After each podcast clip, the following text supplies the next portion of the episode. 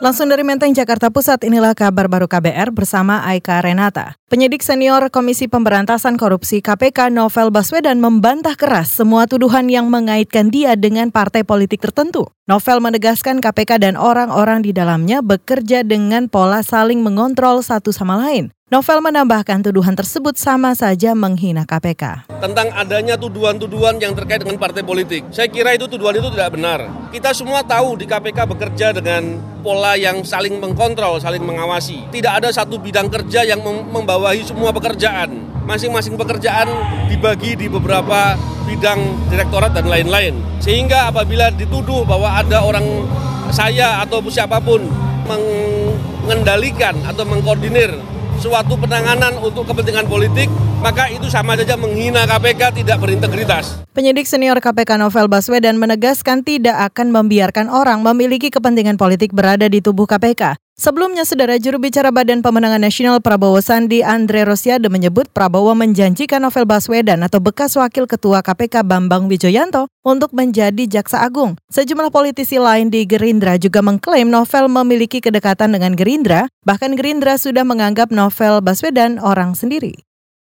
Kita beralih saudara, tim gabungan bentukan Mabes Polri mengklaim terus bekerja mengusut kasus teror yang menimpa penyidik KPK Novel Baswedan. Anggota Komisi Kepolisian Nasional Kompolnas Pungki Indarti yang juga masuk tim gabungan itu menyatakan Timnya bergerak ke berbagai kota seperti Malang, Bekasi, Sukabumi hingga Maluku untuk melakukan uji alibi. Pungki mengklaim tim juga sudah mendalami hasil penyidikan polisi ataupun rekomendasi Komnas HAM yang sebelumnya memantau kasus tersebut. Kemudian dari situ kami uji alibi. Jadi kan ada nih orang-orang yang dulu diduga mungkin tersangkut dengan pelaku atau terkait dengan pelaku atau diduga pelaku. Nah terus kemudian kami uh, temui, kami kemudian juga ketemu dengan saksi-saksi saksi yang waktu itu membantah juga atau menjadi alibi gitu ya hmm. pada waktu itu misalnya alibi ada di Malang. Nah kami datang ke Malang, kami lihat, kami ketemu, terus apa aja yang dilakukan di situ. Nah itu kami cek semua. Anggota tim gabungan bentukan Mabes Polri Pungki Indarti menyatakan tim juga mendengar keterangan dari Profesor Ahli Kimia dan Dokter Ahli Mata. Selain itu tim juga memeriksa kembali beberapa anggota polisi. Tim bekerja sama dengan ahli dari Inggris untuk mencoba memperjelas tayangan kamera pemantau CCTV yang merekam aksi penyerangan air keras terhadap novel.